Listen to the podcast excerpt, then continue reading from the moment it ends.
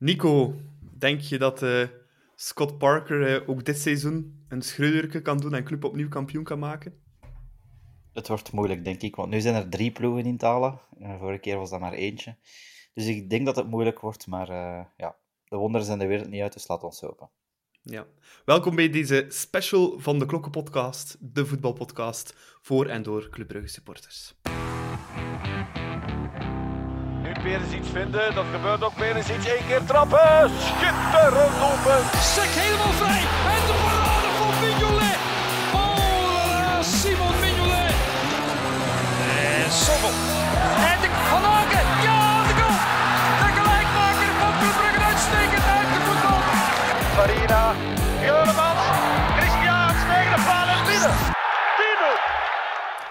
Geen actuele aflevering vandaag. Um, ja, er is natuurlijk geen voetbal geweest dit weekend in de Jupiler Pro League.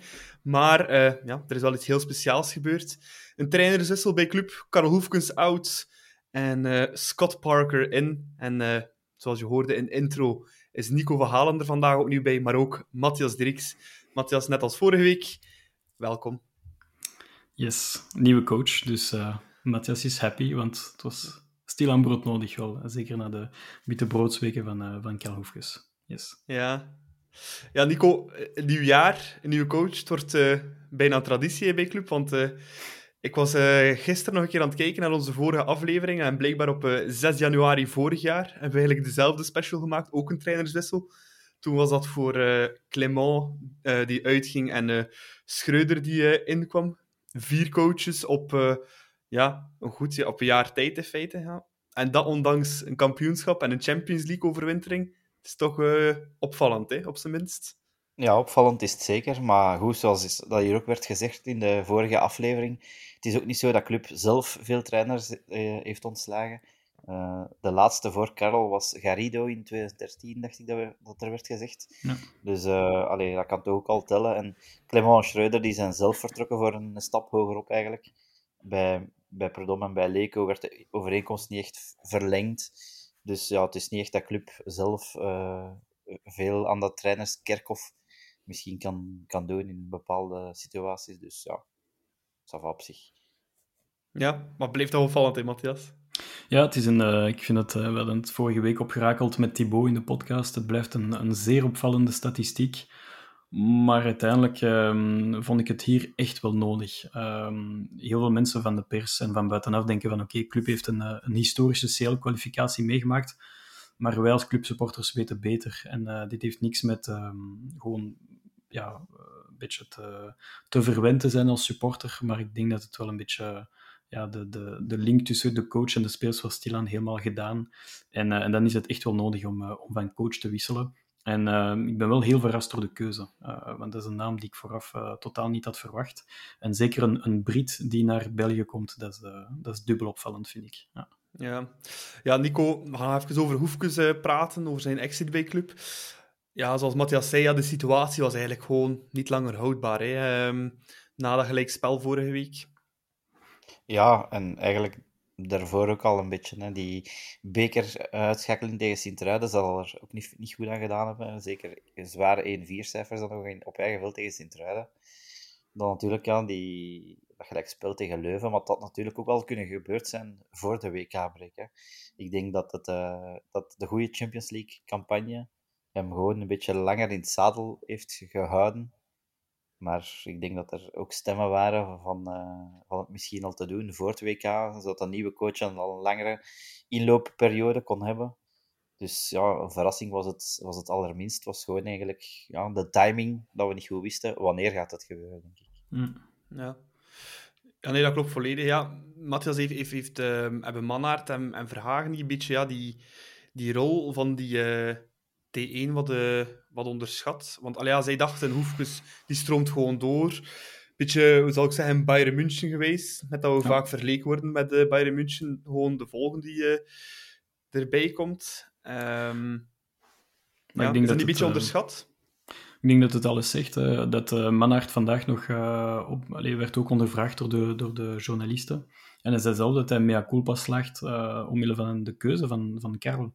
En we hebben het vorige week ook besproken met Thibaut. Um, de keuze was voor mij niet wel overwogen. En, en ja, er was een bepaalde teken van, van hautain en gemakzuchtig om Karel aan te stellen. Karel heeft geweldige capaciteiten, maar hij werd veel te vroeg gebombardeerd als nieuwe T1 van club. Ehm, en zeker in het huidige Club Brugge, waar alles snel moet gaan, efficiënt, titels pakken, winnen, winnen, winnen. En, uh, en als dat niet gebeurt, en zeker na een bekerblamage tegen STVV, ja, dan weet je dat het uh, helemaal gedaan is. Maar ik ben toch wel, ik zit met een lichte frustratie dat dit niet voor het WK uh, gebeurde. Want dan heb je wel die vier, vijf inloopweken voor de nieuwe coach. En, en zeker, we gaan het straks nog over Scott Parker hebben, maar voor zo'n iemand die niks kent van de Jupiler Pro League en die bitter weinig kent van club, behalve misschien de, de leuke, mooie resultaten in de Champions League, dat dat wel ideaal geweest qua, qua inloopperiode. En je voelde het ook tijdens de persconferentie. Hij kent nog niks van het Belgisch voetbal en bitter weinig over club. Dus, uh, en binnen één, week, binnen één week spelen wij op Genk. Dus uh, de timing is niet top en de keuze in juli is al zeker niet top. Nee. Ja, je dat ook dat de club iets lang gewacht heeft nog met, met in te grijpen? Of kon je wel verstaan dat ze nog tot net na de WK doorgingen met Karel Hoefkens? Ja, er is voor beide iets te zeggen, denk ik. denk, als, als je het achteraf zou weten dat het meteen ook terug zou slecht gaan, dan inderdaad kunnen zeggen van, ja, ze had eigenlijk al vroeger moeten doen. Maar ja, ik, ik had ook wel nooit echt het gevoel van, na die WK-break um, gaat het ineens draaien gelijk... Allee, dat, gevoel heb ik nooit niet gehad. Dus ik zelf had het misschien ook wel iets vroeger gedaan. Maar ja, ik snap wel dat er sommigen misschien denken... Uh, enkele van onze collega's in, on, in de klokken uh, zijn het mm -hmm. ook van, ja, ga zien, er begint een nieuwe competitie, uh, het kan helemaal anders zijn. Dat klopt ook. Uh, dus ja, het is, het is moeilijk te zeggen hoe dat ging draaien. En dan had, had, had het misschien geweest van, ja, de club heeft, goed, heeft een goede beslissing gepakt van even hem nog de tijd te geven en ze zijn toch standvastig achter hem blijven staan. Dus voor hetzelfde geld had dat goed, goed afgelopen. Hè. Natuurlijk, dat is, dat is moeilijk te zeggen op voorhand, maar ja, zelf vind ik toch ook. Ik had nooit echt, echt het gevoel van uh, na de WK-break gaat alles op zijn plooi vallen, dan niet. Ja. Um, Karel Hoefkes is weg, Matthias, maar uh, ja, van de assistenten die je meenam, bleef er ook niet veel over, hè? want dat is ook vandaag uh, bekendgemaakt. Hè? Ja, dus uh, nee, nee. Uh, Rick de Mil blijft aan als enige, wat niet onlogisch is, ge uh, gezien de, de Belgische link. heeft heel veel gewerkt met Club Next, is coach geweest van Club Next. Dus de link tussen de jongere spelers en de A-spelers begrijp ik wel. Um, ja, natuurlijk een beetje pijnlijk voor Nossa Obasoan. heeft te maken met de persoonlijke link en klik. En ook het feit dat hij ook zelf guest is geweest bij ons in de ja, klokken. heel aimabele mens. Ja, bijzonder amabel, heel competent, uh, heel sterk met, uh, met data ook. Um, dus ja, we wensen hem sowieso het allerbeste toe. En, uh, en Paul Ocon, ja, dat is ook een spijtige natuurlijk, want een, een ex-clublegende mogen we stilaan zeggen. gaat de schoen gewonnen, hij heeft heel veel met club gewonnen. Um, dat hij weg moet, vind ik misschien minder opvallend, omdat hij echt een man was van, van Karel, die hem meenam. Um, wie blijft er wel aan? Dus Rick de Mil, Eddie Rob uh, blijft ook aan, want ja, blijkbaar als physical trainer is hem echt uh, hors pair en, en doet hij geweldige dingen. Uh, dus dat is wel dat is top. Maar ja, twee van de, allee, drie van de vier karlen inclusief zijn weg, dus dat is toch wel veel. Natuurlijk, wie zegt nieuwe coach, zegt hij pakt zijn staf mee en dat is heel vaak het geval. Ja. Ja. Kunnen we misschien nog juist even aanvullen, want ik heb wel gelezen dat Paul Con een job heeft aangeboden gekregen in de scouting. Dus ja, dat ze ja. effectief gaan weg zijn, uh, daar ben ik niet zeker van.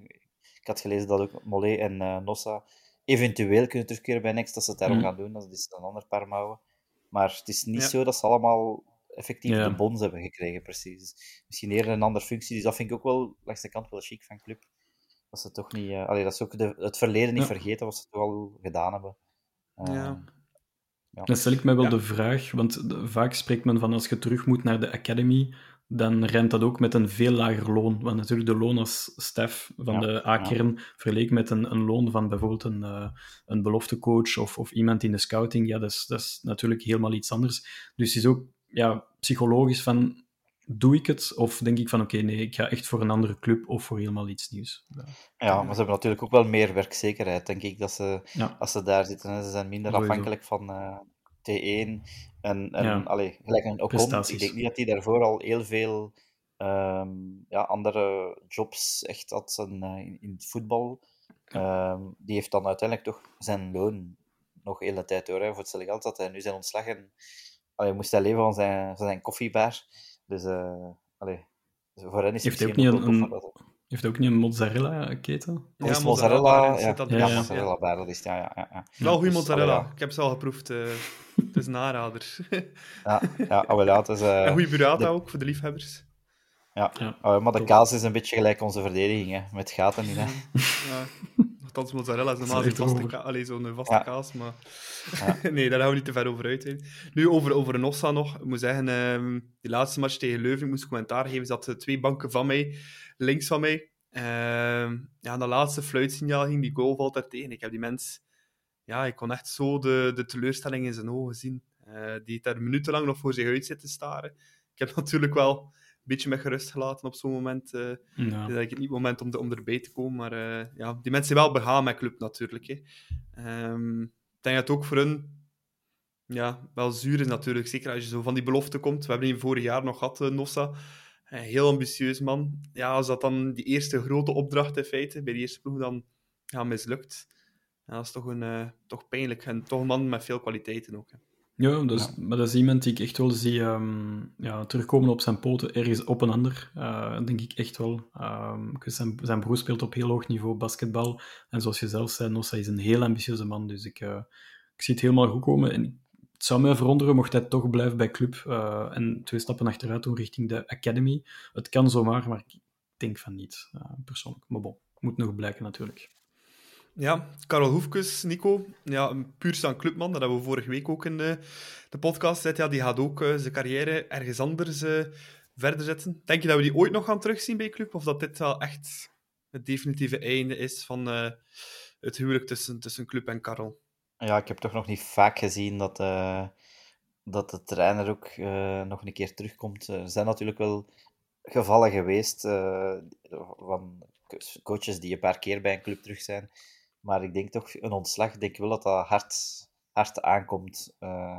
zeker als het de eerste keer is als hoofdcoach en het heeft maar zes maanden geduurd ook. Dan denk ik wel dat dat ja, bij Karel toch een beetje zal blijven hangen. Um, alhoewel dat hij ook wel dankbaar moet zijn natuurlijk voor de kans die hij gekregen heeft, ook in het verleden uh, kunnen groeien in een andere rol. Maar ik denk toch dat het moeilijk wordt om, uh, om hem er snel terug bij te hebben. Ik zie het niet direct gebeuren, eerlijk gezegd. Ja. Matthias, um, Karel heeft natuurlijk die adelbrief van de Champions League. Zie je hem wel bij een andere club wel uh, slagen dat hij lang kan aanblijven? Ja, en ik zou zelfs niet durven zeggen in België sowieso. Ik denk dat er een paar buitenlandse ploegen. dat kan zomaar een, uh, een buurland zijn, maar dat kan ook iets verder zijn, misschien over het kanaal, wie weet. Uh, maar ik denk wel dat er ploegen zijn die, die, die heel, echt, uh, die heel erg ehm, ja, geïnteresseerd uitkijken naar het profiel van Karel. en dan doe ik echt wel op zijn Champions League prestaties. Want nogmaals, er zijn heel veel clubs die misschien de Jupiler Pro League ietsje aan de kant zullen schuiven voor de Champions League. Uh, we zijn het ook vorige week, uh, de 0-4 op Porto. Uh, Mignolet die in openlijk zegt van de tactiek van Karel klopte 100% en dat was echt zijn verdienste dat we zomaar 0-4 op Porto zijn gaan winnen. En dat zijn zaken die blijven weer klinken bij bepaalde clubs. Dus ik, ik denk niet dat Karel heel lang werkloos gaat blijven. Ofwel gaat hij een coach vervangen tijdens het seizoen die ontslagen gaat worden, of zal het gewoon dan voor zomer 23 zijn. Uh, maar hij zal heel snel uh, een nieuwe club vinden, daar ben ik rotsvast van overtuigd. En ik gun het hem ook als, als echte clubman. Ja, deze week in de krant, Nico, ja, waren er ook nog bepaalde opiniemakers, zal ik ze maar noemen, zoals een, een Boskamp, Michiel Wuits, ook de wielercommentator, die het absoluut niet kunnen vonden dat Karel Hoefkes werd ontslagen. kan je die mensen ergens nog volgen? Niet echt eigenlijk, maar ja, bon. Ik denk dat dat ook soms van mensen komt die, die niet elke wedstrijd van club zien. Ik denk, alhoewel dat er onder de supporters ook zelfs een tweestrijd is. Ik heb ook op uh, social media veel supporters gezien die het ontslag niet terecht vinden. Dus ja, dat is ieder zijn, uh, zijn mening daarin. Maar het is natuurlijk vanuit de media gebeurt het ook vaak. Die denken aan die fantastische Champions League campagne en die zeggen dan, allee, hoe kunnen we dan de trainer ontslagen? Maar natuurlijk, als je alle wedstrijden gezien hebt in de competitie, mm. Uh, mijn grootste zorg daarbij is toch vooral dat we heel weinig kansen creëren. Um, ook dat de, ja, dat de sfeer in de kleedkamer toch niet optimaal lijkt, of toch uh, de relatie met de coach, uh, dan die er een keer niet bij, dan die. Er zijn toch al heel veel gevallen geweest van spelers die plots niet in de kern zitten. Um, ja, dat er zijn toch een paar punten waardoor dat het niet onlogisch is, denk ik, dat, ja, dat er ergens een kink in de kabel komt. En ja, de resultaten spreken natuurlijk ook boekdelen in de competitie. En um, als er nog enige hoop zou zijn om, om het tijd te keren, want ik heb Vincent Manhart horen zeggen van ja, we zagen het ook niet meer gebeuren dat het, dat het, dat het tij ging, ging keren onder, uh, met deze staf. Ja, dan is er maar één oplossing natuurlijk. Hè. -hmm. Ja, ik vond het opvallend. Ik had vandaag ook een discussie met een collega die zei van ja, eind oktober was uh, Karel Hoefkes nog een god van de Belgische voetbal. Nu wordt hij ontslagen. En dan vroeg ik hem, hoeveel matchen van club heb je effectief gezien voilà, ja. uh, de laatste maanden? Ja, en dan zit hij ja, die paar Champions League matchen. Ja. Dan versta ik wel dat er sommige mensen vertekend beeld hebben, maar als je club niet volgt in de competitie, Matthias, ja, dan, dan, dan heb je daar een heel ander beeld over en ook geen correct beeld, denk ik. Hè. Het gaat hard klinken, maar ik denk dat de mensen die, die het bijzonder onterecht vinden dat uh, Karel ontslagen wordt, dat zijn waarschijnlijk ook de, de eerste roepers om Ruud Vormer terug in de ploeg te willen uh, vanaf uh, januari. ja. dat is misschien heel slecht bedoeld, maar allee, je snapt het wel. Dat zijn, dat zijn voor mij dat zijn supporters die niet echt zoals wij dag in dag uit meeleven met club. Um, wij zien elke wedstrijd, wij, wij, wij zien ook dat onze ploeg doodziek is. Uh, net voor het WK en net na het WK. En dan moet je als club ingrijpen. Ofwel hou je Karel en dan gaan we aanmodderen tot eind dit seizoen en gaan we play-off 2 spelen. Ofwel zeg je van nee, we grijpen nu in en dan hopen wij op een, op een schokeffect. En dan is ja, de tweede optie gewoon de allerbeste optie. Dus uh, nee, dat zijn waarschijnlijk mensen die die club van buitenaf zien en, uh, of, die er weinig van kennen. Ja.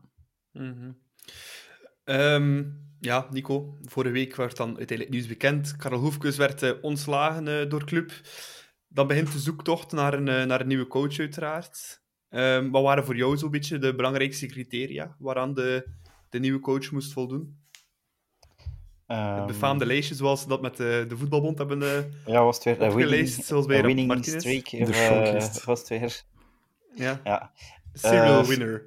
Ja, serial winner, ja. Dat was het. ja. Nee, ik denk sowieso... Ik hoopte op iemand die, die wel aanvallend voetbal uh, wil spelen. Want dat is toch voor mij, voor een topclub, en zeker bij, bij club toch de bedoeling met de spelers die we hebben. Uh, aanvallend, allee, moeten we toch elke match heel veel kansen kunnen creëren, denk ik dan. Um, ook iemand die, die de kleedkamer kan managen, die met ja, toch vedetten kan omgaan. Uh, die, die al een beetje ervaring heeft ook op, op dat vlak om, om met grote spelers om te gaan die een kleedkamer kan, kan managen. Um, dat zijn toch voor mij heel, heel belangrijke punten al. Um, iemand die een organisatie kan neerzetten, liefst toch ook. Want ik vind dat we toch veel te gemakkelijk goals tegenkrijgen. Allee, al dan niet afhankelijk van de organisatie, soms gewoon individuele fouten natuurlijk. Maar ja, ik denk dat er toch wel heel wat, uh, heel wat punten zijn die moeten afgevinkt worden. Ook die no sweat, no glory erin krijgen. Een coach die passie kan uitstralen, want dat is toch iets wat ik enorm mis. Uh, en niet alleen dit jaar, al een, al een hele tijd. Ook met, met Clement was dat een beetje. En uh, Matthias en ik kijken al een keer graag terug naar de Leco-periode op dat vlak. Uh, dus zo die, die, die grinta en, en allee, we hebben het al vaak gezegd, dat straalt zich ook af op de fans. Hè. Als, uh, als, als, als de fans zien dat de, dat de spelers er vol voor gaan, dan gaat het stadion er ook meer in mee. Want dat is ook een van de redenen volgens mij dat de sfeer uh, een beetje minder is. Uh, dus ik hoop dat de, de coach dat daar ook in krijgt. Ja, uh, Matthias, je bent normaal gezien een beetje onze specialist als het over transferroddels gaat, maar ook over nieuwe trainersnamen die circuleren. Welke naam die zo de ronde, naast die van Scott Parker dan uiteraard? Maar Scott Parker kwam heel vroeg in de, in de roddelcircus, als ik het zo mag zeggen, via via. maar er werd ook gesproken met ja, Steven Gerrard, ook met Hazenhuttel werd er ook gesproken of gepolst. Ik heb nog altijd het gevoel dat Martinez uh, een kwakkel was. Ik heb zo het gevoel dat er, dat er echt nooit echt werd gesproken met, met Martinez, of niet concreet alvast. Misschien gepolst, maar, maar eerder meer concreet dan dat was het niet het geval. Ehm, ik persoonlijk was echt fan van de optie, ik weet niet of dat ze er effectief mee gesproken hebben met, uh, met Tedesco. Uh, Tedesco en Hazenhutel waren de twee namen die mij persoonlijk als fan het meest enthousiast maakten, omwille van al de punten die, die Nico eigenlijk heeft besproken. Uh, aanvallend, um, mannen met passie die, die de klappen van de zweep kennen, die, die al effectief heel mooie resultaten hebben geboekt bij hun voormalige clubs. Um, dus ja, daarom was de keuze voor mij voor Parker redelijk verrassend. Maar misschien was het opnieuw een, eh, een soort van um, ja, uh, wake-up call, ook voor het bestuur van niet iedereen staat te springen om T1 te worden van club. We hebben het ook, allez, als we de lijst pakken van de vorige coach, na Predom, Leco, Clement, Schreuder, Hoefkes, dat zijn goede coaches, maar dat is ook niet het van het. Uh, dus om maar te zeggen, uh, ze mikken altijd, en dat is zowel voor spelers als voor coaches, zeer, zeer hoog, het bestuur. Maar finaal resultaat moet je wel altijd uh, optie C of optie D kiezen. En dat is helemaal geen schande. Um, maar voilà, er waren wel meer ronkende namen dan Scott Parker. En persoonlijk had ik dan Tedesco en, en Hazenhuttel helemaal boven mijn lijstje. -hmm. Ben je dan blij met de keuze eigenlijk, Matthias, van Scott Parker?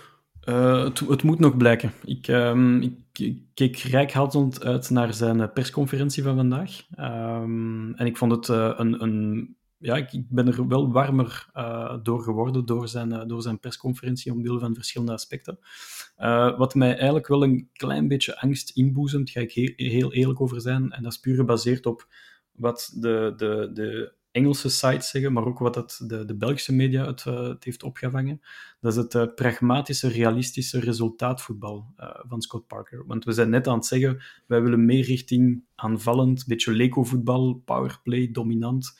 En, en ik denk niet dat we dat specifiek gaan zien bij, um, bij Scott Parker. Aan de andere kant heeft hij ook gewerkt met, met Fulham en Bournemouth, en dat is in niks te vergelijken met Club Brugge. Dus ja, ploegen die laag gerankt zijn in Engeland ten opzichte van een topclub in België, twee maten, twee gewichten. Dus ik ben voorzichtig, maar uh, er zijn bepaalde twijfelpunten, maar ik zie het anderzijds ook wel positief. Dus het moet gewoon nog blijken. Ja.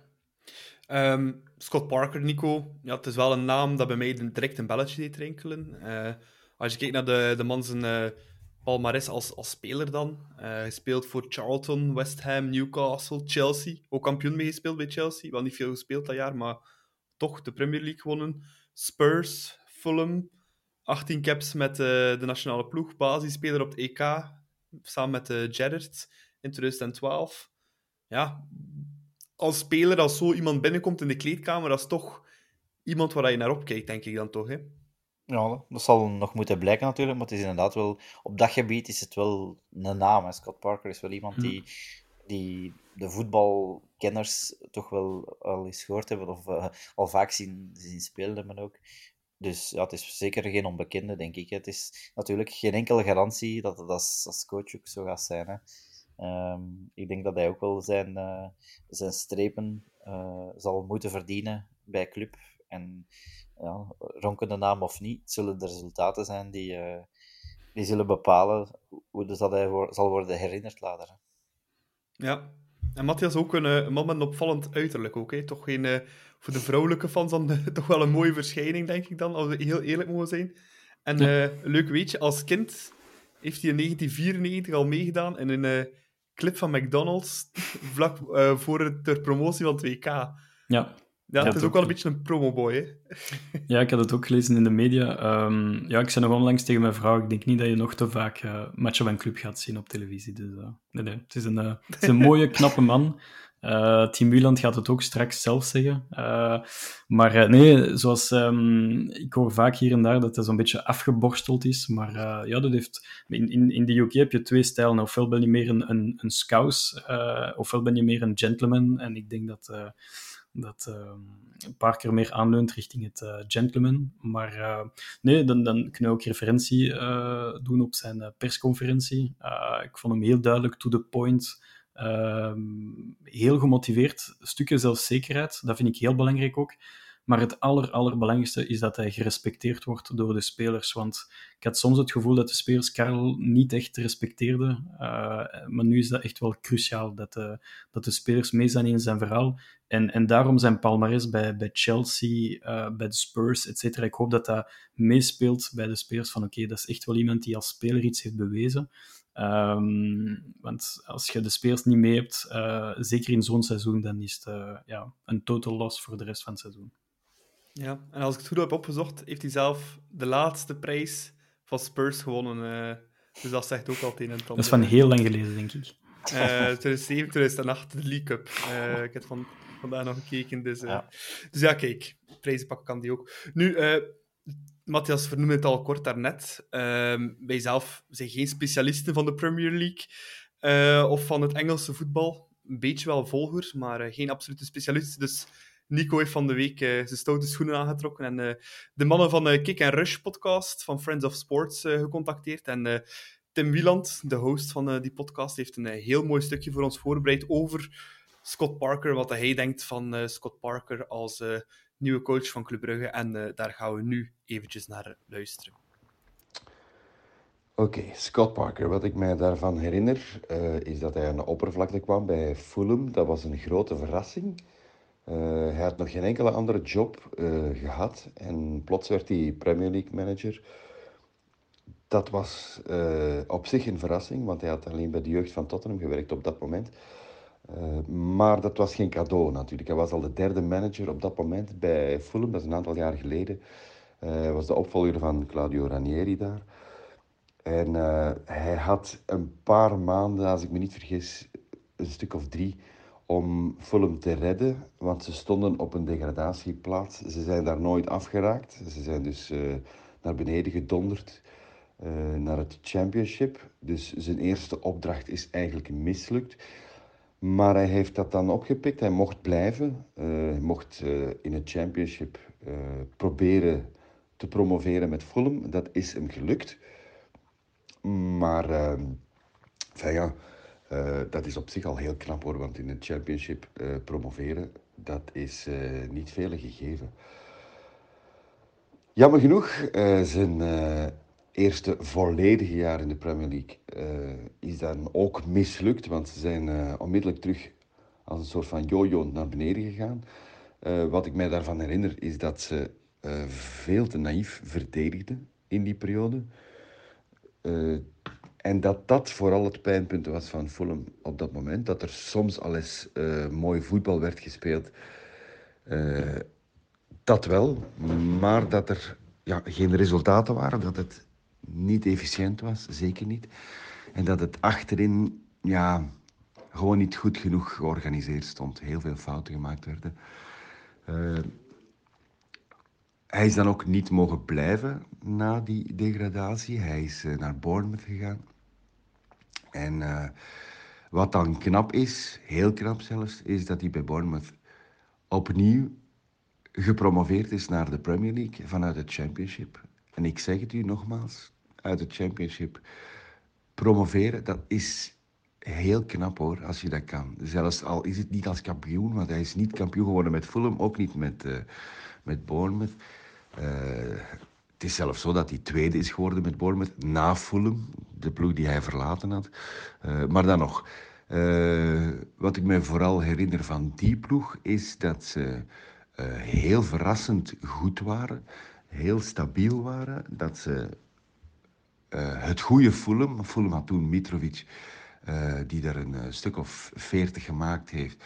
Hij had toen ook een, een deftige spits met Dominic Solanki. Die is er nu nog altijd trouwens.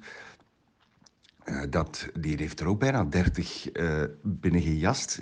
Dat is een beetje in de schaduw gebleven. Maar dat was toch ook, ook opmerkelijk goed hoor. Hij speelde altijd met twee spitsen trouwens, maar die tweede is eentje die uit het middenveld komt. Want uh, Billing is, is geen echte spits. Dat is meer een, een aanvallende middenvelder. Uh, die een beetje rond Solanki hang, hing toen op dat moment. Uh, dat was een heel goed duo. Uh, dus eigenlijk, Billing is een beetje te vergelijken met Hans van Aken, om eerlijk te zijn. Als Hans zo hoog zou willen spelen. Maar in ieder geval qua scorend vermogen uh, is dat vergelijkbaar. Uh, ook qua lengte is dat vergelijkbaar. Goede koppers. Uh, ik, ik wil geen stijl opdringen aan Parker, maar zo heeft hij wel altijd gespeeld. bij Bournemouth met vier verdedigers, met twee man daarvoor. Dus dubbele, dubbele nummer zes, om het zo te zeggen. eentje die, die veel meer ruimte kreeg om naar voren te gaan. Uh, dat was dan meestal Jefferson Lerma. Uh, de andere was Cook, die, die bleef meestal hangen achterin. Dus je, je hebt daar wel een buffer nodig. Maar hij speelt altijd met twee zessen, in principe. Zeker in, in balverlies. en voor de rest, ja, klassiek hè. De 4-2 vier verdedigers, wil ik zeggen. Uh, dan uh, twee man daarvoor. Dan heb, je, dan heb je een stevige basis om op te verdedigen. En een van die backs ging eigenlijk bijna nooit meer naar voren. Dus om maar te zeggen, het, het, stond altijd goed in balverlies.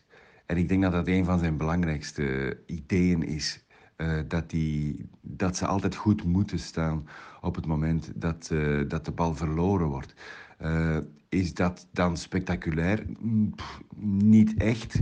Het is heel, heel degelijk. Het is uh, met twee buitenkanten, zoals Club Brugge ook speelt. Dus qua systeem zullen ze eigenlijk niet al te veel moeten veranderen. Uh, heeft hij het al goed gedaan? Ja, in het Championship. Nee, in de Premier League. Dus of uh, Scott Parker een, een, schot in de roos gaat zijn voor Club Brugge, dat weet ik niet. Dat is een, dat is een, dat is een groot vraagteken. Want in de Premier League wordt hij ook beschouwd als ja, kan hij het nu of kan hij nu niet? Uh, dat, dat, dat laatste seizoentje, uh, het huidige seizoen, beginseizoen eigenlijk bij Bournemouth, dat telt absoluut niet. Want ondanks het feit dat ze daar drie keer zwaar, zwaar verloren hebben, waaronder een 9-0 bij, bij Liverpool, dat was zijn, zijn allerlaatste match. Wel, in de, in de transferperiode heeft hij toen niks gekregen. Dus het is eigenlijk die championship-ploeg die, die eigenlijk opgekomen is. Hij heeft uh, van het bestuur... Er was natuurlijk op dat moment de overname bij Bournemouth. Uh, maar dat gaat ons te ver leiden. Maar hij heeft niks gekregen. Hij zei, die ploeg is te zwak. En daardoor is hij ook ontslagen. En dat is dan ook weer logisch. Uh, te veel kritiek uiten, openlijk op tv. Ja, oké. Dan, dan vraag je er een klein beetje om. Uh, als, als coach. Maar uh, of het gaat lukken voor Scott Parker bij Club Brugge, waarom niet? Waarom niet? Al is er een groot verschil tussen het Championship en uh, de Belgische competitie. kijk maar naar Vincent Company. Die was hier toch ook niet briljant bezig als coach van Anderlecht. Die is nu geweldig op dreef in het Championship bij Burnley.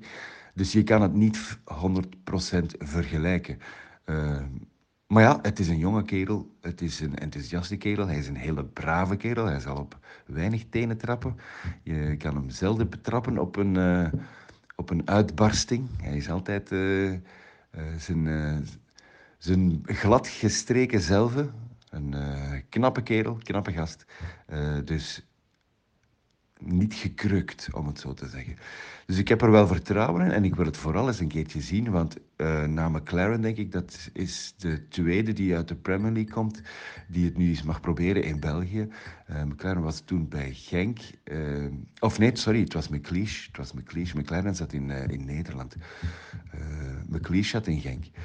Dus, maar feit, is weer iemand die uit de Premier League naar België komt. Dat is toch een mooi aanzien om een, eh, een, een ex-Premier League manager naar België te kunnen halen. Ik ben heel, heel benieuwd of het voor hem lukt bij Club Brugge.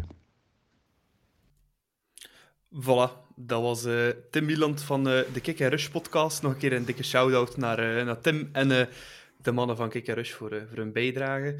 Um, ja, Matthias, wat ik een beetje onthoud uit het, ja, uit het stukje van, van Tim is dat het toch wel een beetje een hobbelig parcours is geweest. Tot nu toe voor, uh, voor Parker. Enerzijds heel succesvol in die championship, anderzijds minder succesvol in, uh, in de Premier League? Ja, ik denk dat ja, zoals onszelf, zoals, zoals wij, uh, we weten totaal niet wat we, wat we mogen verwachten van Scott Parker.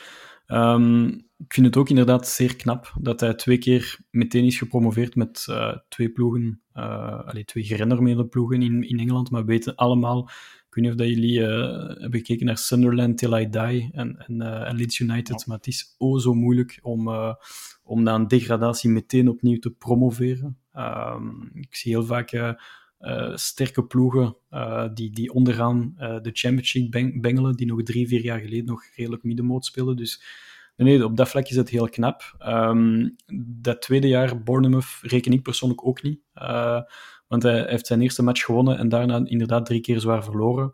Um, ja, natuurlijk, stel dat je bijna aan het einde van de Mercato zit en je hebt nog altijd geen deftige transfers gedaan. Ik denk dat eender welke coach bij eender welke ploeg met ambitie ook gaat zeggen van jongens, hoe zit het? Uh, ik denk dat, uh, ja, je mocht dat niet zeggen tegen het bestuur van Bournemouth. Um, ik stel mij vooral de vraag, um, hoe gaat hij ook reageren uh, wanneer dat het bestuur een beetje invloed gaat oefenen op de spelers en op de staf? Want we weten allemaal in, in Engeland, ben je geen coach, maar ben je een manager.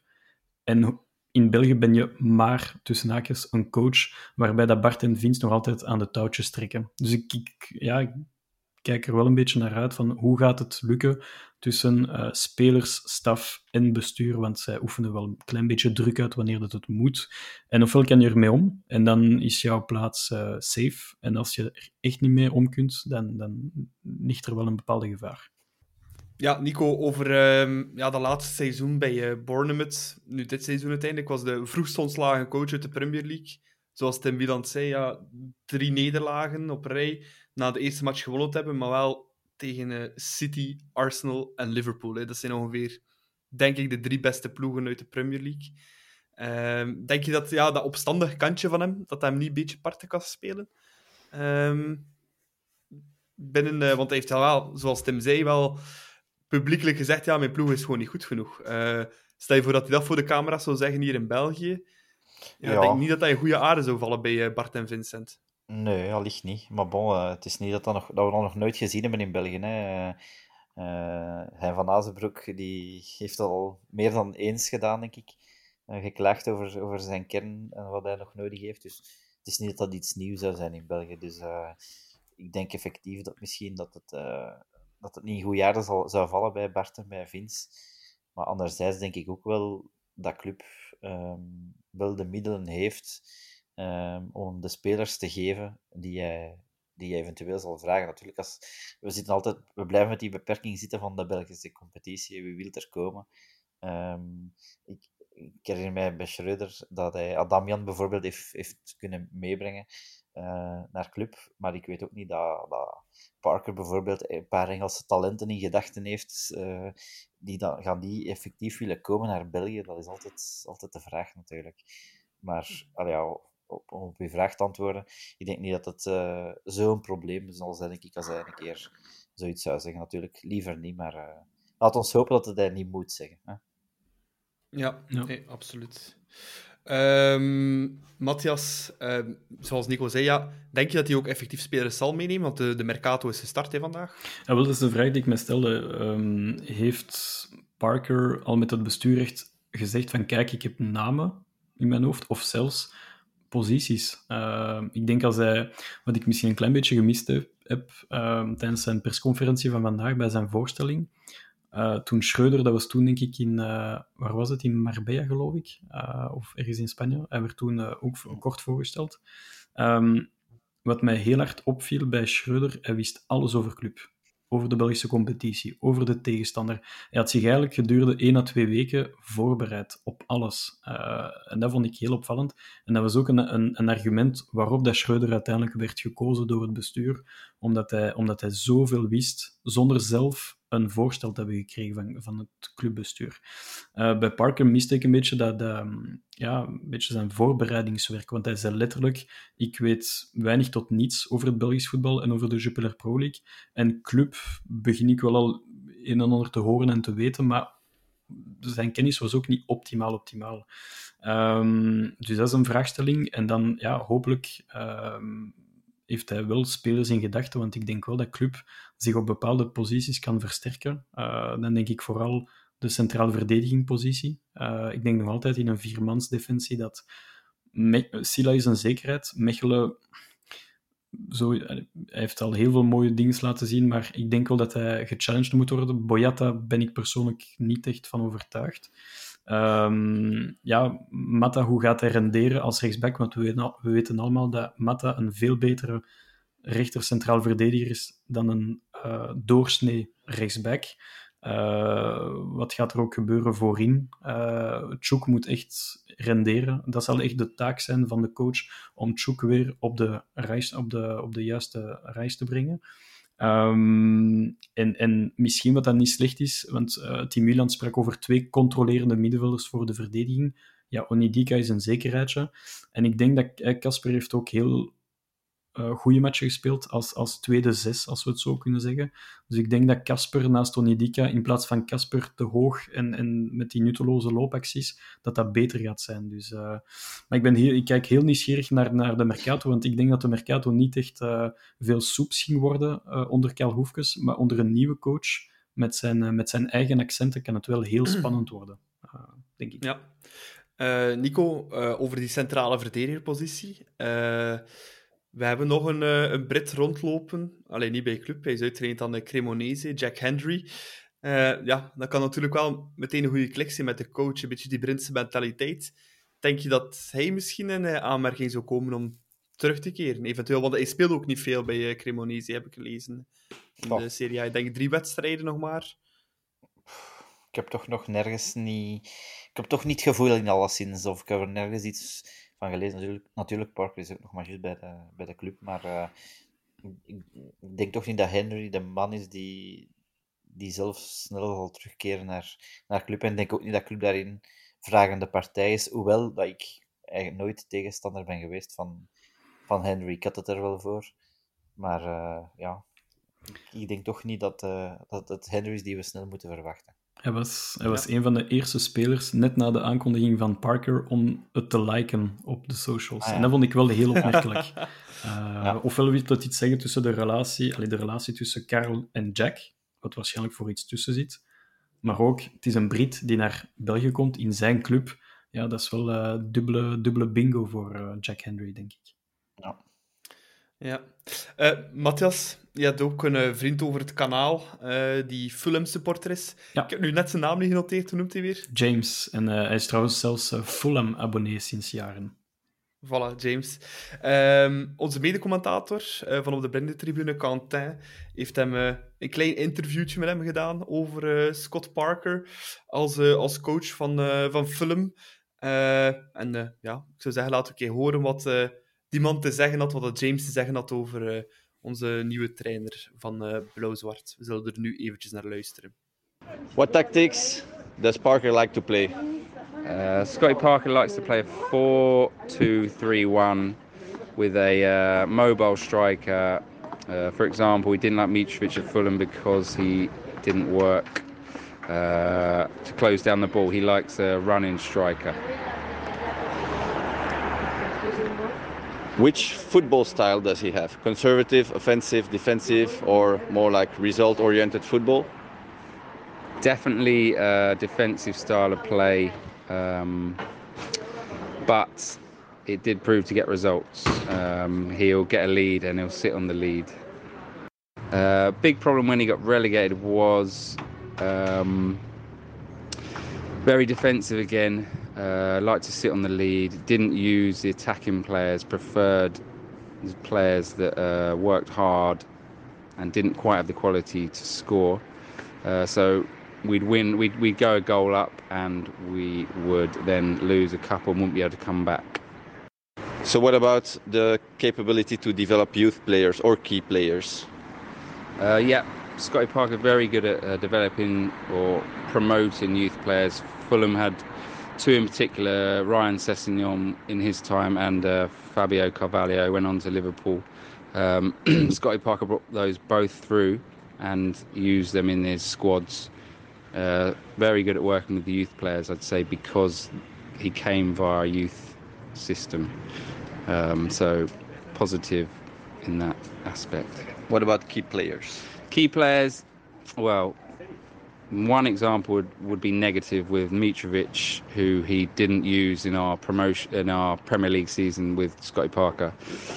As I said, he prefers a striker who's mobile and and closes down rather than I don't know a striker with quality, and that backfired massively. In the next season with Mitrovic, he broke records for goal scoring, and now he's doing the same in the Premier League.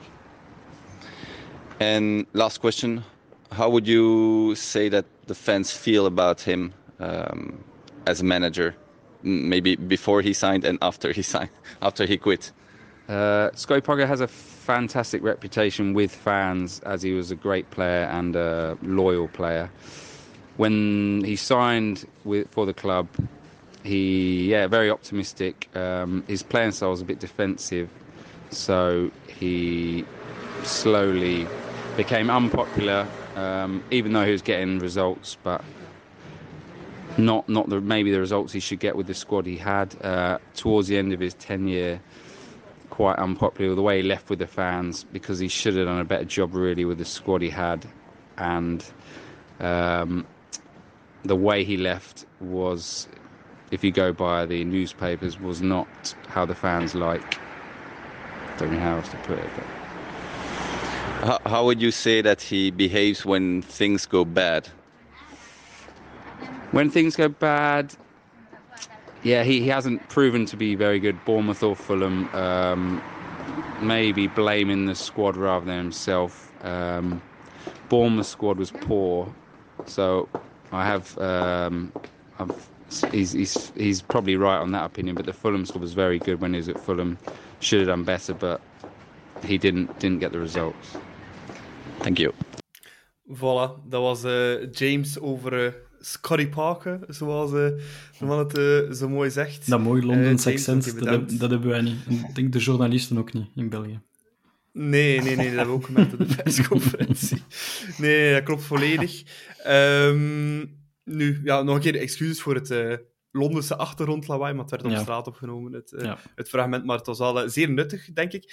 Ehm, Nico, iets dat zowel bij Tim terugkomt als bij eh, James, bij het fragment van James, ehm, is dat het wel zeer resultaatgericht voetbal is. Op die manier kan ik wel een beetje de parallel trekken voor de keuze met Schreuder vorig jaar.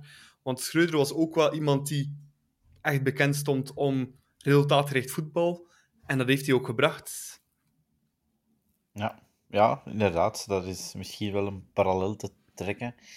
Dus eh, ja, het is afwachten. Als hij, als het even goed kan doen natuurlijk als, als Schreuder, dan, eh, dan oogt het mooi. Want ik weet, van Schreuder werd er ook, ook wel een beetje hetzelfde gezegd op, door sommigen. Er waren ook wel meer positieve reviews op voorhand van ex-spelers. Als ik denk aan, eh aan Ziyech en Koeman en zo, hadden wel lovende woorden van Schreuder. Hier Zelf Messi.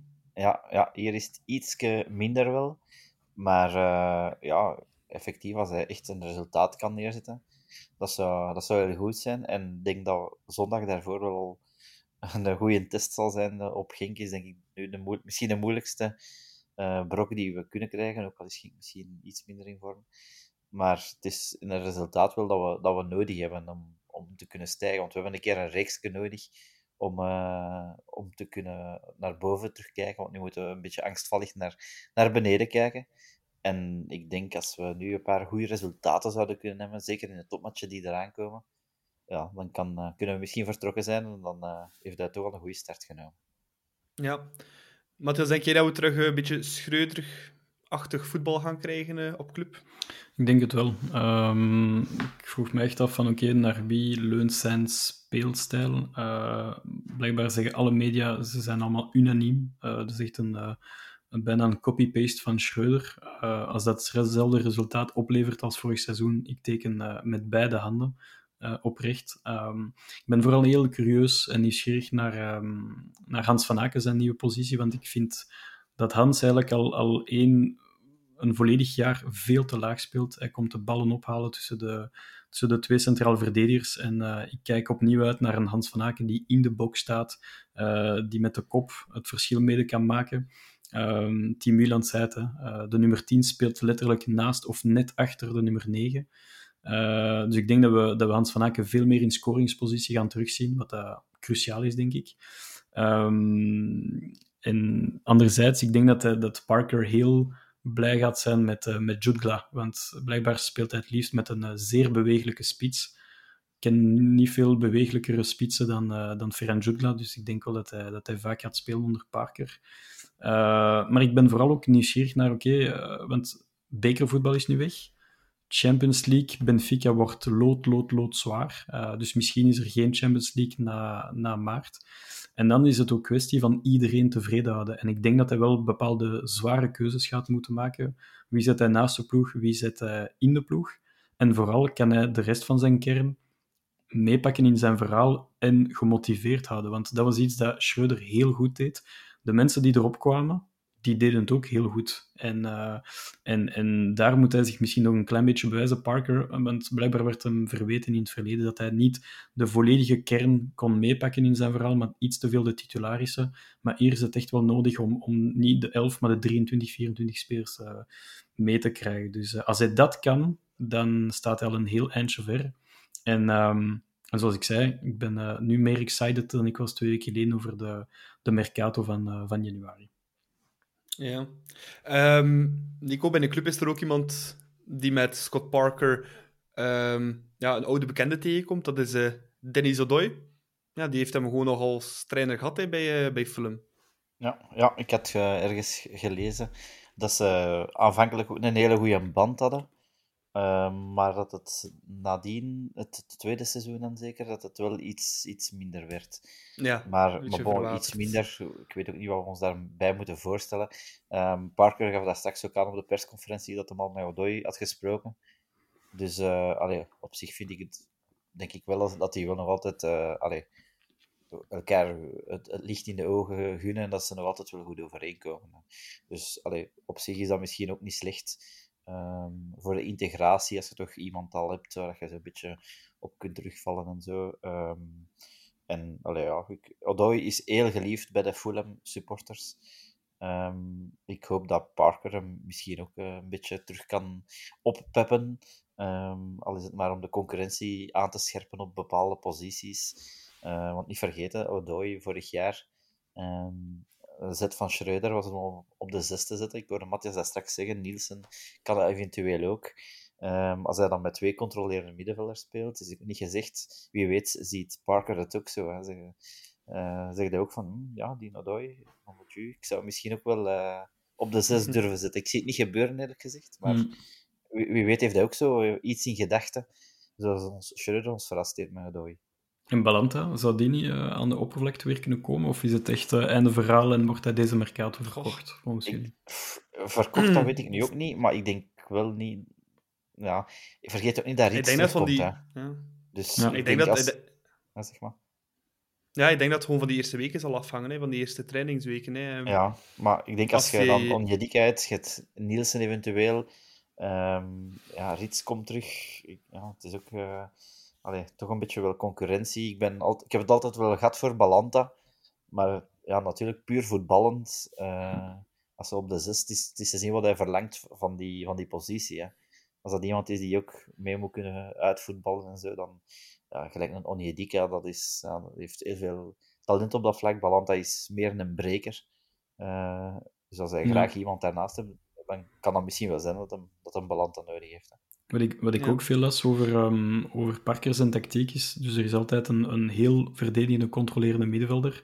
En de tweede controlerende middenvelder, die wijkt heel graag aan de zijkanten, om daar ook um, ja, de surplus te vormen, samen met de flankspeler. En dat zie ik wel heel goed uh, in Casper Nielsen. Uh, dat hij meer richting de rechterkant kan, uh, kan meehelpen, bijvoorbeeld een Skof of een TJ. dat is blijkbaar ook een beetje de, de, de touch van, van Parker. En um, ja, ik denk ook dat er nog altijd een, een, een strijdje zal ontstaan tussen, uh, tussen Riets en Casper. Wie krijgt die plek naast, uh, naast Onidika? Dat is voor mij uh, ook... Ik ben, ik ben heel nieuwsgierig naar hoe Riets terugkeert van zijn blessure. En als het kan maken dat, dat Nielsen zijn, omhoog, zijn niveau naar omhoog kan brengen en, en of, of Riets kan die plek pakken, dat is, dat is mij om het even. Maar als die concurrentie maar hoger wordt en vooral dat die spelers zich willen bewijzen aan Parker en de staf, dat is ook, dat is ook een belangrijk punt. Ja, Mm. en Ja, om nog eens even ja. terug te komen op Balanta, ik wil misschien nog één dingetje toevoegen. Ehm, deze wedstrijd is op Genk. Onjedika is geschorst, als ik me niet vergis. Ja, Dus het zou wel kunnen dat hij daar Balanta wel direct zet op die positie, naast een Nielsen misschien.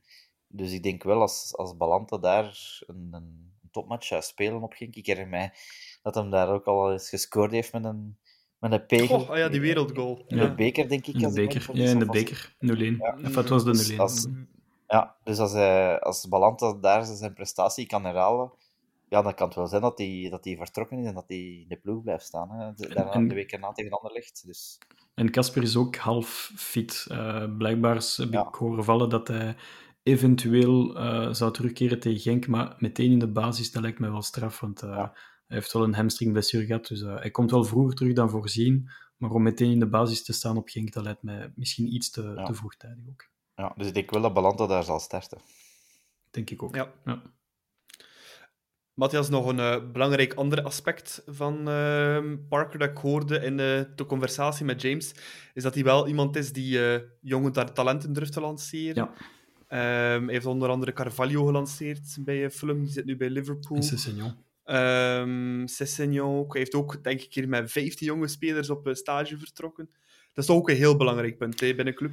Ik denk dat, ze, linker, eh, goed zit. een van de hoofdaspecten waarom dat bestuur voor eh, Scott Parker heeft gekozen. Eh, ik denk, eh, als, je met de, als je met de jeugd goed kunt omgaan, en zeker in het Next-verhaal, want ik ben nog altijd bijzonder verrast in de positieve zin van het woord van de resultaten van Club Next, met heel veel spelers die uiteindelijk uh, keyspelers van Club Next die niet hebben gespeeld de voorbije wedstrijden, en ze bleven toch winnen.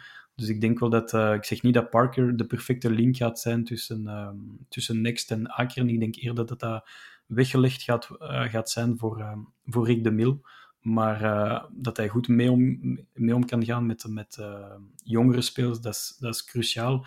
En ja, daar kijken we allemaal naar uit, om, de, om de nieuwe Charles de Ketelaar te, te ontdekken vanuit de dat is hetgeen waarvoor dat we ook supporter zijn. Dus nee, nee, ik kijk er echt naar uit hoe dat hij uh, ja, die jongere spelers dan beter gaat maken.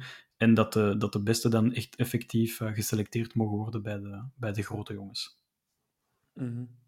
Nico, uh, ja, men, veel mensen of veel luisteraars van ons volgen jou ook op uh, Twitter en hebben wellicht ook jouw uh, vraag zien passeren aan de Burnhams en Fulham supporters. ja, er is heel veel respons op gekomen, maar laat ons zeggen dat dat niet positief was. Nee, nee dat is niet dat is toch zacht uitgedrukt. Ja, inderdaad. Ja, ik, ik vind dat zelf altijd wel interessant om eens te horen welke indruk coach heeft gelaten bij zijn, bij zijn voorbije clubs. Bij Schreuder heb ik dat destijds ook gedaan. En ik kreeg toen wel enkele interessante meningen van vooral Twente, uh, Vitesse en Ajax supporters. En, maar deze keer is het eigenlijk een beetje uit de hand gelopen. Uh, ik kreeg bijna 200 reacties, denk ik. Dus, dat zijn de Britten, hè? Ja, en ja. ik denk dat ik de positieve op één hand daarbij kon tellen. Nu, ik moet wel zeggen, die zijn natuurlijk ook altijd met een korrel zout te nemen. Hè. Als, als je nu in Amsterdam zou vragen wat de mening is over Schreuder, dan zou die ook helemaal anders zijn dan de indruk die hij bijvoorbeeld bij ons heeft gelaten. Uh, maar er zaten wel enkele patronen in die antwoorden die heel vaak terugkwamen. En dat was dat eigenlijk op tactisch vlak uh, dat het toch boring voetbal was. Um, risicoloze passes tussen de verdedigers met veel breiwerk. Dat er geen plan B was uh, wanneer dat niet loopt. En te defensief. Um, en twee dingen die ook vaak terugkeren waren: één, het feit dat hij het bestuur en zijn spelers uh, openlijk durft afvallen. En twee, de keuze inderdaad om bij Fulham destijds Mitrovic, uh, hun topschutter, toch, op de bank te zetten. En er eigenlijk een aanvallende middenvelder of een winger in de, in de punt te zetten. Dus al deze antwoorden kwamen niet echt ja, goed binnen eigenlijk. Maar natuurlijk, allee, het gaat ook om supporters van uh, teams waar hij werd ontslagen. Dus ja, dat, ja. dat, dat niet helemaal de perceptie uh, positief was, is, is ook wel normaal. Dus we zullen moeten afwachten wat dat zal geven. Maar één ding is wel zeker. Um, we geven hem absoluut wel het voordeel van de twijfel, denk ik. En uh, ja, ja, altijd bij, dat zal altijd bij het aanstellen van een nieuwe coach. Dus ja. van ons zal hem toch wel de volledige support krijgen. Ja. Matthias, nog iets dat niet echt in het voordeel spreekt van uh, Scott Parker, ja, is het feit dat Engelse coaches niet zo succesvol zijn over het water. Nu ook in eigen land niet, want ik denk dat er nog nooit een Engelse coach de Premier League heeft gewonnen. Dat is nog nooit gebeurd, denk ik. Ja. En denk een van de weinige Engelse coaches die al een keer de titel gewonnen heeft, is Steven Gerrard met Rangers. Eh, nog niet zo heel lang geleden. Eh, dat is toch ook iets heel opvallends. Hè? Zoals een uh, Belgische journalist het zei vandaag, uh, it's time to quit the tendons. Uh, ik vond het grappig verwoord, maar ja, het, is, het, het, zal belangrijk zijn. Um, nee, maar ik, ik denk, hij start met een, met een blanco pagina aan dit nieuwe hoofdstuk en, en hij moet zich bewijzen. Ik denk dat hij er, er gigantisch veel goesting in heeft. Um, dat is een beetje gelijk dat je vraagt aan een coach. Uh, ja, als we kijken naar de laatste um, 15 resultaten op Genk of op Anderlecht, uh, die zijn heel negatief. Ik denk, je moet echt wel je moet het positieve beginnen kijken, want anders gaan, gaan mensen zich te veel, gaan, gaan de man te veel in vraag stellen en gaan ze te negatief zijn. Dus ik hoop dat we op het einde van het seizoen ook al. Ik, ik wil gewoon weer positief um, voetbal beleven op club. Met heel veel goesting, met heel veel drive. En natuurlijk kijken we altijd samen met Nico en nog vele supporters naar de nostalgische momenten onder Leco. We moeten het nu ook niet over romantiseren, want zo romantisch was het Absoluut nu ook niet. Maar, uh, maar het is meer om die, die vibe en die... De laatste keer dat een, dat een coach van club luidop door 30.000 man werd toegezongen, was Ivan Leco. En Clement, Hoefkes en Schreuder hebben alle drie mooie successen behaald bij club. Misschien zelfs beter dan Leco. Maar het voetbal was soms te vaak niet om aan te zien en, of te matig. Dus ik wil gewoon iets beleven. En als dat betekent dat we nu tweedes moeten eindigen of derdes, oké, iedereen denkt dan, oké, mislukt seizoen. Maar als ik mij heb geamuseerd op Jan Breidel, ah, wel, dan heb ik er wel goesting in. En, en dat wil ik terugzien als, als fan. Dat is echt dat... dat, dat um, Parker sprak in zijn, um, in zijn persconferentie uh, I want 1 million percent commitment for my players. En wel, als die dat kunnen, kunnen tonen op het veld, dan ga ik al heel blij zijn. Ja, je zei ook de mooie woorden, uh, Matthias, dat we eens helemaal samen moesten komen, zowel als team als ja, supporters. Dat we allemaal samen, dat was ook een uh, mooie verbindende boodschap. Ja. Vond ik, wel, allee, ik denk dat de persconferentie ook wel een goed gevoel heeft gegeven ja. aan ons ook. Hè. Absoluut. Ik vond de, ja, de vragen konden we uh, diep gaan. Want als je kijkt naar een persconferentie in Engeland, dan is het wel. Uh, allee, dan gaan ze echt wel. gevoeld dat die journalisten het echt wel heel zwaar hebben voorbereid. En ik steek het zelfs niet op het uh, misschien wat minder Engelstalige niveau. Want bon, oké, okay, zwart. Maar, maar het gaat me meer over de, het, het voorbereidingswerk van oké. Okay, uh, ze konden hem een klein beetje bij de tand voelen van oké, okay, uh, wat zit erin, inhoudelijk dan, voetballend. En bij Schreuder moest je niks doen. Je moest gewoon één vraag stellen en hij ging het zelfs heel inhoudelijk maken. Maar hier vond ik het wel een beetje uh, ja, te matig. Maar de antwoorden van Scott Parker waren wel heel to the point. ik vond hem echt um, inhoudelijk sterk ook. En, en zoals ik zei, helemaal in het begin van de podcast, zelfzeker. En dat is een belangrijk punt, zeker in die vestiaire, om die zelfzekerheid over te brengen aan de spelers, zodat ze ook beter kunnen, kunnen presteren op het veld. Ja, ja Nico, uh, over die persconferenties, we hebben daar uh, met Hoefkens ons toch wel een beetje aan geërgerd. Destijds ook met uh, Philippe Clement. Dat lijkt nu wel achterwege. Ik denk dat de persco's met Scott Parker toch iets interessanter gaan zijn. Hè? Ja, ja. Allee, pas op, ik, ik, ik erger mij er niet echt heel hard aan. Bij mij is vooral wat er op het veld gebeurt waar ik mij kan aan ergeren persconferentie. Is niet dat ik daarvan slecht ga slapen als, er, als het minder interessant was. Uh, maar ja, ik denk wel dat hij misschien iets meer to the point zal zijn en minder in, in clichés zal antwoorden. Maar gelijk dat Matthias zegt, um, Schreuder was daarin wel echt uh, top voor mij. Die begon zelf dingen te zeggen. Uh, ook, ook niet rond de pot draaien, gewoon bam, waar dat het op staat. En ik denk dat de Engelsen dat soms ook wel in zich hebben om, om gewoon te zeggen waar het op slaagt. En, en ik denk wel op, op zich dat de, dat de persconferenties uh, inderdaad leuker zullen zijn om te volgen. Al zal het natuurlijk ook wel altijd afhangen van, van de vragen die je krijgt. En ja, mm -hmm. ik denk als er iets dieper wordt op ingegaan um, en je krijgt ook maar x aantal vragen, uh, dan ja, moet je natuurlijk ook wel de, de juiste vragen stellen. Mm -hmm. uh, Matthias, um, Scott Parker komt uiteraard niet alleen naar Brugge. Hij heeft ook een, een aantal assistenten mee. Uh, weet u iets over hen? Heel weinig. Ik moet toegeven, ik heb, ik heb het nog niet goed gecheckt. Maar het lijkt me wel logisch dat hij, dat werkt met mensen die met zijn vertrouwensmensen. Um, Maar dat is een beetje hetzelfde bij Schreuder. Hè. Dat, hij had ook zoveel mensen meegenomen van, van Ajax en Barcelona. Dus hier is het niet anders. En ehm, zijn, um, zijn first assistant, Matt, uh, zijn achternaam ontgaat mij eventjes. Matt Wells. Matt Wells. Wells. Was, voilà, was ook zijn first assistant bij Fulham en bij Bournemouth. Dus die twee hebben al, al langer gewerkt. En dat is ook belangrijk, ook voor het, voor het lange termijn verhaal. Want ook die vraag werd gesteld. Dat vond ik ook een, een, opmerkelijke vraag. Van, ben je hier voor de korte termijn of voor de lange termijn? Ik denk dat er weinig coaches gaan zeggen, ja, ik ben hier voor de op interim uh, korte termijn. Dus uh, ja. het spreekt voor zich dat hij het een, een lang verhaal gaat maken. Maar als de resultaten tegenvallen, gaat hij denk ik wel niet lang aanblijven. Maar ik denk als hij, stel, stel u voor, hij wint tegen Benfica, we worden kampioen, dit en dat. Ja, dan gaan de Engelse, uh, allee, dan gaan de Premier League ploegen ook plots wakker worden. Dus um, gaat Scott Parker lang aanblijven bij club? Ik denk van niet. Ik hoop twee, drie jaar. Maar ik denk drie jaar is echt wel het, uh, het absolute maximum. Dat zijn de exacte woorden van Mark de Grijze. Ah, voilà. Die, die, heeft, die, heeft, juist hetzelfde gezegd. Van ofwel gaat het niet goed en dan is hij op weg, ofwel gaat het schitterend en zal hij in het oog springen van Premier League ploegen. Dus ik denk wel effectief. Uh, ik ben het niet altijd akkoord met Mark de Grijze, maar uh, met Matthias natuurlijk wel. Uh, maar inderdaad, dat zou wel inderdaad wel een kunnen. Ik had zijn artikel niet gelezen trouwens. Echt niet. Ja. ja. ja. hij heeft het misschien van u, hè. Dat zal, zal kunnen. Dus, uh... Dan heb ik het gewoon, hij heeft het op, uh, op het forum gelezen waarschijnlijk. ja. Great my, minds think alike. Uh, Nico, zondag, ja, moet er al meteen boek op zijn op Genk. Volgende week is de, de kraker der krakers tegen uh, Anderlecht thuis. Ja, het is wel meteen voor de leeuwen allee, gegooid worden, hè. Ja, ja het is... Uh het is inderdaad uh, een serieuze test. Um, langs de kant weet ik niet of dat ik het goed, goed vind of slecht vind. Want als je met hetzelfde geld hebt, je terug een thuiswedstrijd tegen Leuven nu bijvoorbeeld, en als het dan direct zou slecht uit, uitvallen, dan ja, dat is toch zoiets van, hmm, het is precies toch nog niet echt wat we wilden zien. Terwijl op Genk, ja, in principe begint je nu wel als underdog. Dus het is raar om club te zeggen. Maar het is nu wel zo in, in deze omstandigheden. Ehm, en er wordt gezegd van Parker dat hij een organisatie kan neerzetten, gelijk dat Tim Wieland ook zei.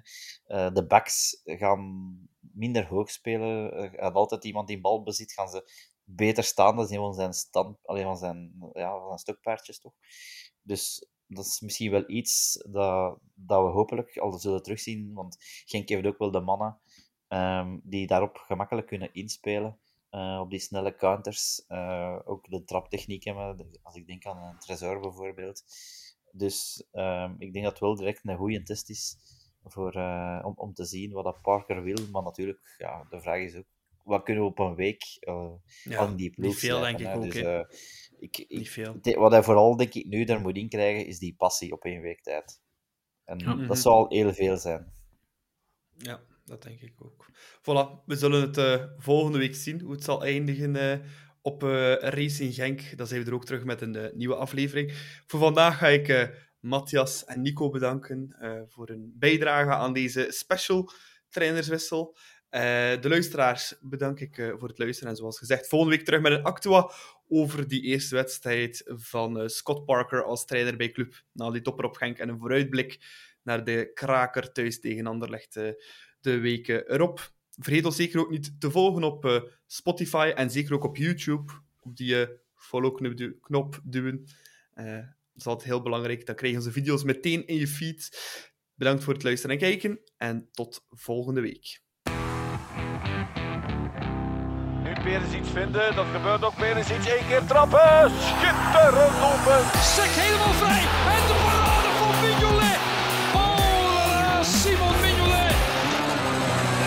Sommel. En de Van.